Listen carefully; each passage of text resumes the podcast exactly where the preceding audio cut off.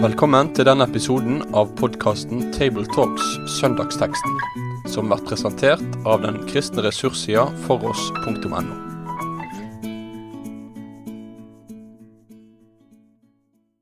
Rogalandsgruppa er nå samla til en ny episode av Tabletalks. Det er Sofie Braut, Øyvind Solheim og meg, Jan Helge Aarseth, som er her.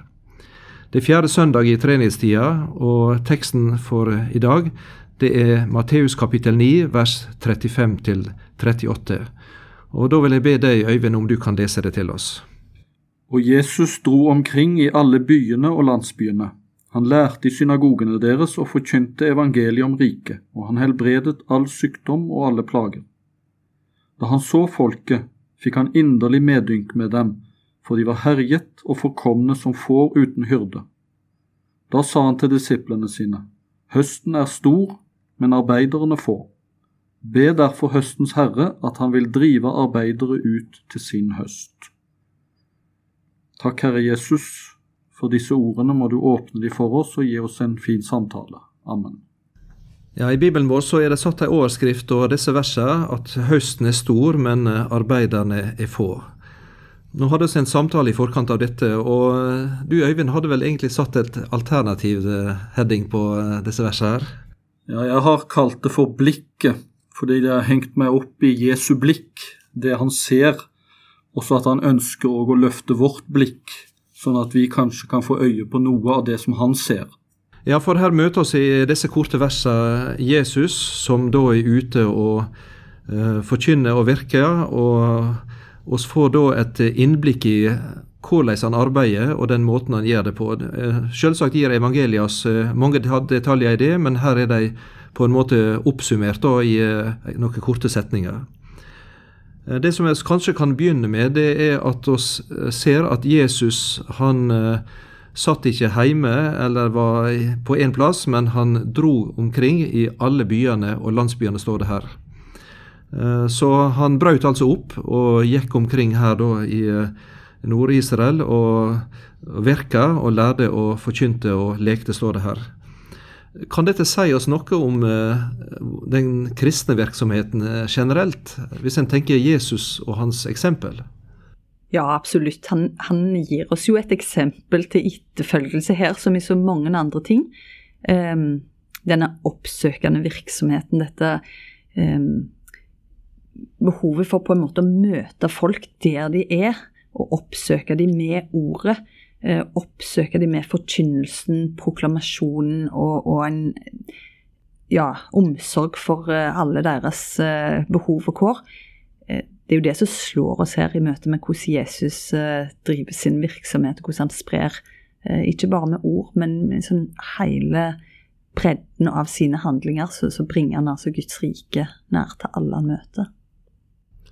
Det er en lignelse som Jesus bruker i Lukas 15, uh, vers 4, når han beskriver Guds rike. Og Da er det også om sauene, slik som vi får høre om her i disse ordene. Det er denne han med den, de hundre sauene og den ene som kom bort. Eh, og Der er det ei setning i Jesu lignelse som sier det slik at han leiter etter den som er kommet bort, til han finner den. Det vil si at han aktivt på, går ut eh, i øst og vest og prøver å finne eh, denne sauen, eller enkeltmennesket da. Og det ser ut at Jesus også her i eh, Galilea, at han drog omkring i alle byene og landsbyene, står det her. Han gikk dit han kunne komme, eh, og lærte å undervise og virke. Eh, kanskje vi skulle hatt dette med oss eh, når det gjelder eh, også bygdene og byene og bedehusene våre, mer enn det som skjer nå? Ja, det tror jeg. Jeg tror vi har mye å lære her i forhold til det at å, å gå dit hvor menneskene er og lever. og uh, Vi kan ikke uten videre forvente at uh, folk vil komme til bedehuset. Uh, vi kan ikke sitte og vente på de der. Vi må ut og så møte folket, oppsøke de der de er. og være interessert i deres livskamper og livsgleder. Ja, ikke minst her, dette engasjementet og denne interessen er jo òg mm. noe som driver Jesus her på, på, på mange måter. Altså, han har denne inderlige medkjensla, som det står i min uh, nynorske oversettelse. da. Uh, og det, det er jo det der, uh, som du sier, det med blikket. Uh, det at en Ja, jeg kjenner jo at vi som kristne kan jo ofte møter kanskje omgivelsene våre med en forargelse òg. Mange ganger at vi, vi forarger på ting, på utvikling og på, på hvor skale kanskje alt har blitt. Eh, se på Jesus her. Han fikk inderlig medkjensle når han ser folket rundt seg og deres kår. Det er, ja, det er et eksempel igjen eh, på hvordan vi kan få et forandra blikk når vi lærer av Jesus. Jesus ser på en måte dypere.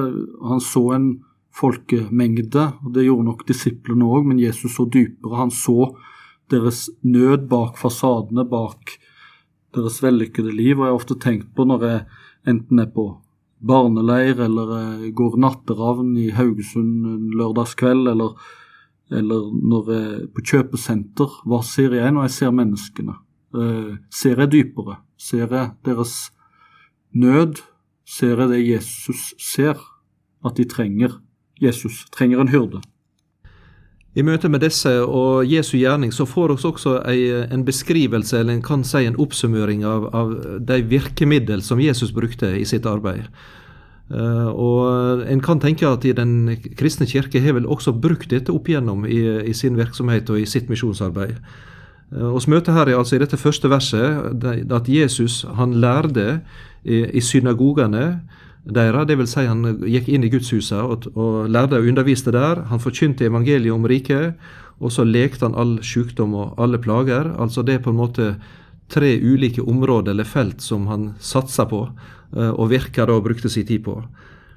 Dette ordet lære, som eh, kommer av det ordet, greske ordet didaskon, det betyr altså å, å undervise eller formidle en grunnleggende kunnskap hvis du ser i uh, en, en, leksikon, så vil du se at i en bibelsk sammenheng så vil det alltid være knytta til Skriften, til Bibelen. Det er ikke løsrevet fra den. Så det handler om en, en, en, bibelundervisning eller en bibelforklaring som Jesus har. Og så har du forkynnelsen som, med dette ordet kerison, som uh, er proklamasjon.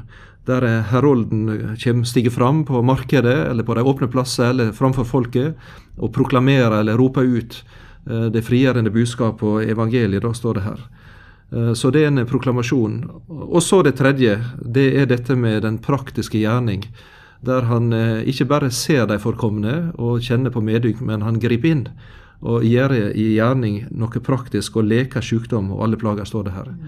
Det er vel en programerklæring som er like gyldig som da, ikke er det det? Absolutt. Og jeg tenker Egentlig så slår det meg nå når du tar den gjennomgangen der, Helge, at Eh, at alle disse på ulike måter er under sterkt press i dag. Eh, mange vil jo holde fram, sånn som jeg ser i samfunnsdebatten i det siste, at dialog mange måter der, der det gjensidig forandring er målet, på mange måter erstatter kanskje det behovet for, for både undervisning eh, og ikke minst det, det mellomstedet, den, proklamasjonen av, av, Guds ord. At en, at en rett og slett proklamerer det Eh, og ikke bare tenke at ja, eh, vi må bare møtes og snakke om dette her og, og liksom ha en, en, dialog om det. Eh, det er Den frimodige proklamasjonen der er òg under sterkt press.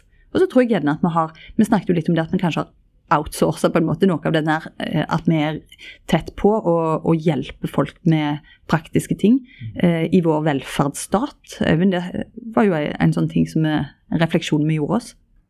Ja, jeg tror vi, vi, trenger på en måte besinnes på i velferdssamfunnet at, at vi eh, trenger å møte og ta på alvor de livskampene en har midt i velferdssamfunnet. Altså med å besøke syke, besøke folk i fengsel, eh, ta seg av de som sliter i forsamlingen, og de som er utenfor forsamlingen. Se at de trenger en barmhjertig kristen der er en litt artig fortelling fra eh, det kommunistiske Sovjet. Der var det eh, en eh, som kom til en landsby, og han samla alt folket på markedsplassen og hadde et ateistisk foredrag om, om Gud som ikke fantes, og hadde mange argument for det.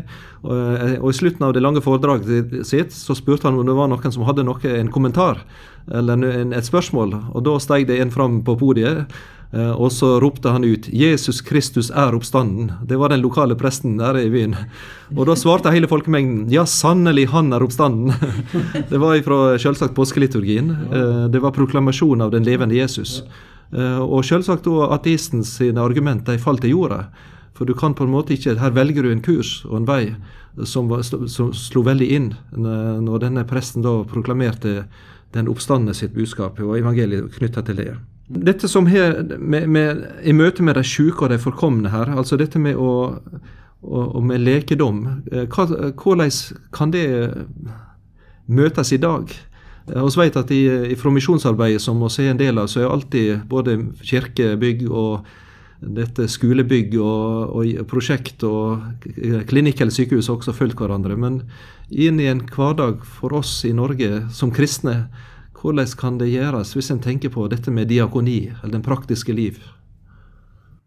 Ja, Vi må vel tenke kreativt i forhold til de behov som er i vår kontekst, og, og være i samspill med, med helse og psykiatri men å gå inn i og hjelpe hverandre, men også å be for hverandre. Legge hendene på hverandre og be for mm. syke. Samtidig som vi også spiller på lag med, med helsevesen og psykiatri som egentlig er vokst, opp, vokst ut av den kristne grunntanken om barmhjertighetsgjerninger, eh, historisk sett òg. Det er jo det som er egentlig utgangspunktet for helsevesenet som vi har i dag. Så er videreutvikling av denne tanken her, og at det har blitt sett på en mm. måte i system. Eh, og nå kanskje blitt litt fremmedgjort. da. Mange sier jo det at, eh, at helsevesenet i det hele tatt er litt fremmedgjort fordi at folk har et åndelig behov. Mm. Eh, og som kristne så kan jo vi bringe det inn i alle de situasjonene der vi gjør det til øve oss på at det er en ryggmargsrefleks. At vi ber for, for syke f.eks. Og, og, og er tett på. Mm. Når det står her at han lekte all sykdom og plage, så er det et spennende uttrykk som iallfall viser at ingenting av dette var Jesus fremmed. Han gikk tett på folk. Eh, og det er jo mønsteret i alt han gjorde. Han var så tett på folk. Jesus er opptatt av hele, hele mennesket, mm. og, og, eh, det er noe som vi kan ta med i, i arbeidet i bedehus og kirke. At Jesus eh, møter oss som hele mennesker, med syke kropp og åndsbehov. Eh, nå har jeg hørt de som har brukt akkurat denne setninga her på en slik måte som en garanti for at all sykdom skal bli helbreda, eller Gud vil gjøre alle friske. Og at hvis en blir bedt for, så, så skal en bli frisk uansett. Hva skal en si i møte med noe sånt ut ifra dette? Jesus helbreder jo alt eh, han, han, vil, og han, han, er herre over alt dette. Men, men, at det er noen automatikk i dette, er det jo så mange uh, deler av Bibelen som på en måte avviser. Sykdom, plage og lidelse er en del av våre menneskelige kår. Så en sånn automatisk tenkning bør være kristne nokså fremmed. Ja, og Jesus helbredet ikke alle i Israel på den tiden, og mennesker som ble helbredet, til og med de som ble vekt fra de døde, som Lasarus og enkens sønn i Nain, de eh, ble syke igjen og døde. Så det er ikke mm. den fullkomne helbredelse vi snakker om her, men de er tegn som peker mot at det er dette Gud ønsker. Han ønsker å gjenopprette det som er ødelagt av synden og ondskapen. Når dette er blitt sagt fra Matteus, så er det akkurat som når han har observert Jesu gjerning, så plutselig så går han dypere inn og, og, går liksom inn i, i fundamentet og drivkrafta bak Jesu gjerning, og, og, hva er det som ligger bak, og det, den usynlige delen av det, kan jeg nesten tenke. Eh, og da begynner han plutselig å snakke om eh, Jesus sinnelag. Eh, og det er veldig rørende og sterke ord som blir brukt om hvordan Jesus har det egentlig på innsida her. Ja, Jesus er jo en som ser. Det står jo han da han så folket. Eh, da fikk han inderlig medynk. Eller hans innvoller kom i heftig bevegelse, er vel på en måte uttrykksmåten i, i, i, Bibelen. Altså det er veldig kroppslig.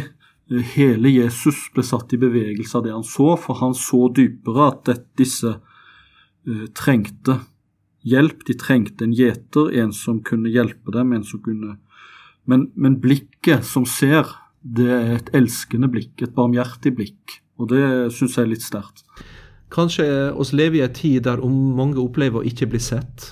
Eh, der er vel eh, i denne mobiltiden og, og fjernsyn og media og alle ting at en opplever at mange vokser opp uten å bli lagt merke til og sett med et slikt blikk, som du sier. Ja, og så tror jeg av og til at det blikket vi møtes med av andre, er ikke alltid et barmhjertig blikk. Det er litt sånn som jeg leste nettopp om Eh, denne hendelsen med, eh, i Simon fariserens hus, denne kvinnen som var en syndig kvinne som kom inn i, i huset til Simon fariseren. Og så sier Simon fariseren at Eller tenker Simon fariseren at hvis Jesus var en profet, så ville han se hva slags kvinne dette var. En syndig kvinne. Så han så, trodde han, sannheten. Og Jesus så også at hun var en syndig kvinne. Men han hadde et barmhjertig blikk istedenfor, som en har sagt, forstørrelsesglass, religiøsiteten. Altså, Simon fariseeren så kvinnens synd og forstørret den, men han så ikke sin egen.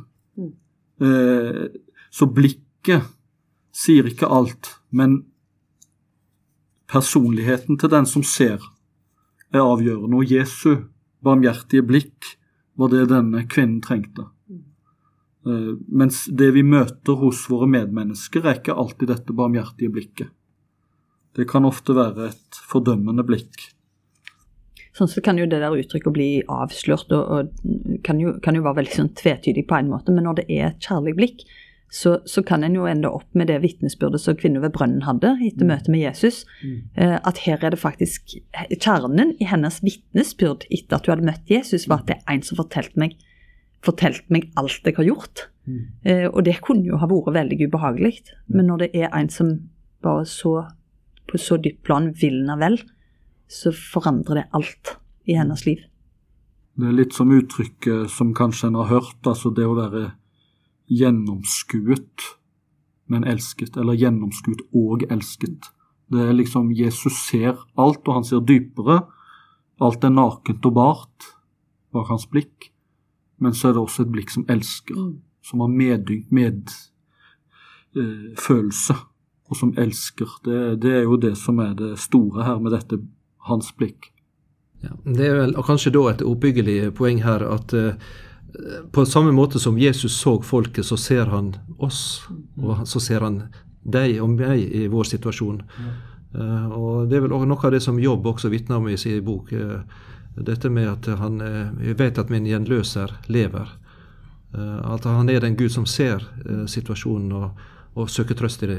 Ja, Det er jo en rød tråd gjennom, gjennom Bibelen. Og så tenker jeg også Det er viktig her å tenke at det blikket som du snakker om, Eivind, det er liksom ikke et et perspektiv. At han har på en måte et bestemt perspektiv på disse folka, eller at det er en bestemt type menneske. Det er jo helt alminnelige mennesker han ser. Mm. Eh, men det er ikke et, et, blant flere mulige perspektiv. Det Jesus ser, og det som blir formidlet her, er sannheten om eh, de menneskene som var der da, og sannheten om oss, slik våre kår er i dag, da, så lenge etterpå. Så Det er jo noe av det som er virkelig frigjørende, at det er den sannheten som setter oss fri. Og Da bruker jo Jesus dette kjente billedspråket fra sauen og gjeteren, som eh, følger oss i hele Bibelen, og som har eh, vært til hjelp for mange. Altså den gode hyrdes blikk, og som ser oss som sauer som trenger en gjeter. Og det er klart eh, Og da er vi i et landskap i Midtøsten karrig landskap, et annerledes landskap enn det vi er kanskje vant med her på Vestlandet, med grønne jorder og masse vann. og her var det et miljø der en trengt, sauene trengte en gjeter både til å beskytte mot rovdyr, men også til å føre til gressganger og til vannkilder. Så kan en jo gjerne få et inntrykk av det, hvis en beveger seg inn i det bildet at sauer Nå er jo sauene ute med lam rundt her på Jæren òg, og i Ryfylke der jeg er ifra. Og, og en kan tenke ofte at sauer er, er, på en måte dyr som klarer seg ganske bra, tilsynelatende i alle fall. Eh, og det, sånn er det jo med oss mennesker òg. Mm. Kan se veldig greit ut mm. eh, en lang stund.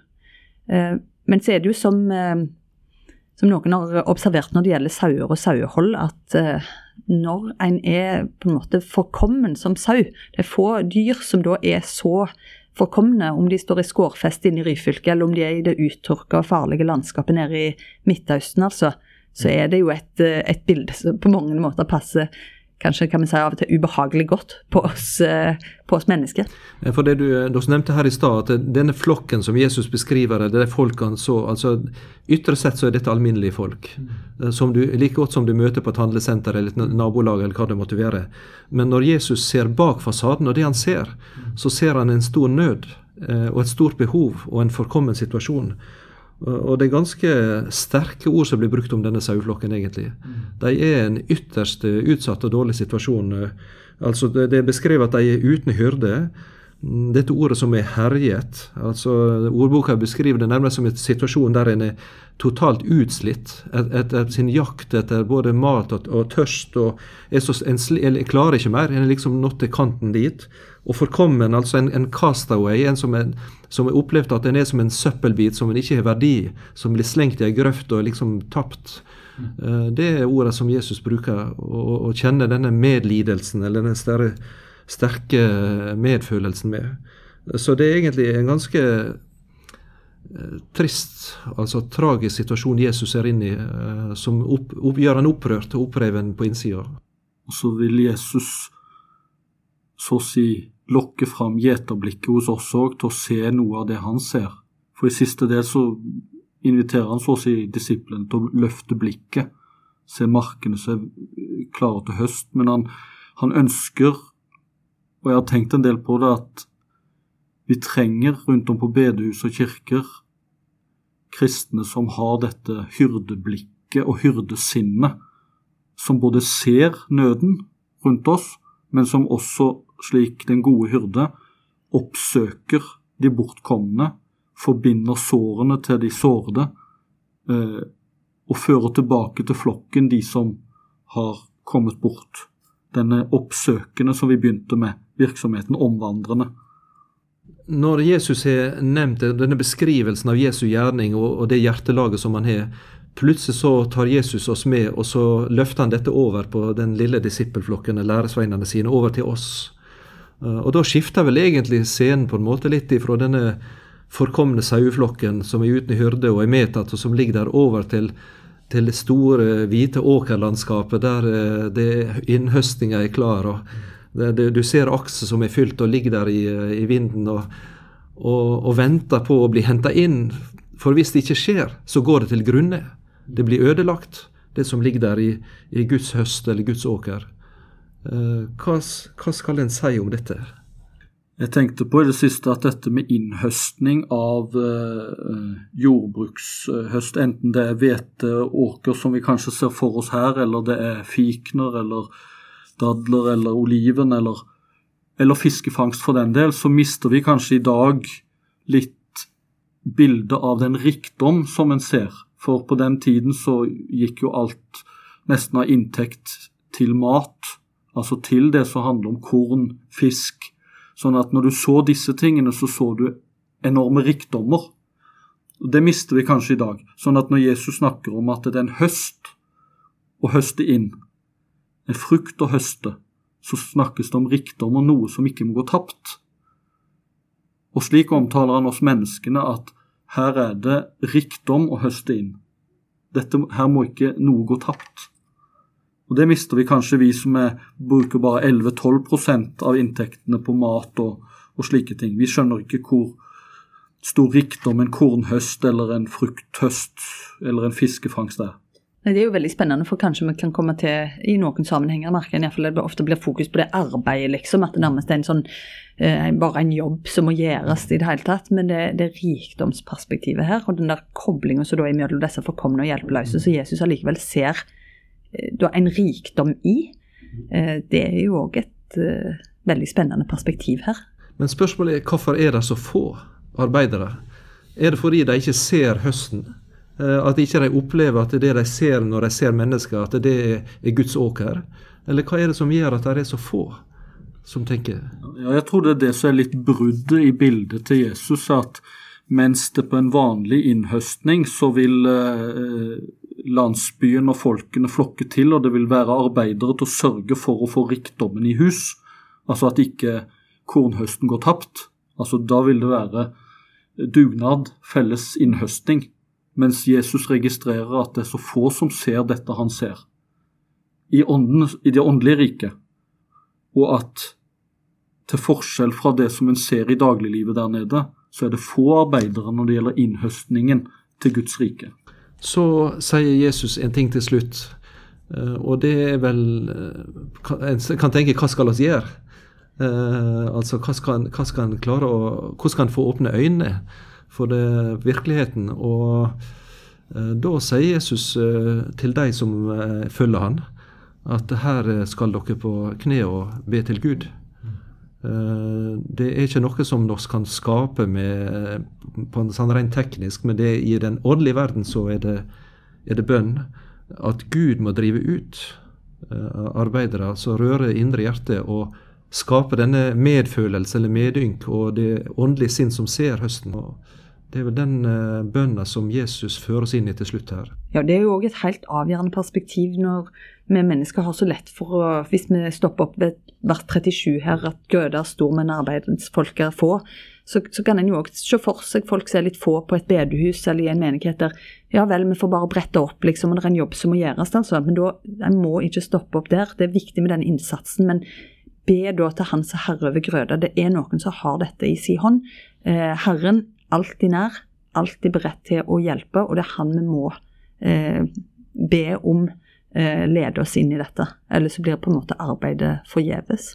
Ja, for det å, å, begynne å be slik er jo på en måte å åpne seg for høstens herre. For hvis du går til høstens herre og ber han drive arbeidere ut, så blir jo du umiddelbart en som fort kan neste år drives ut av høsten.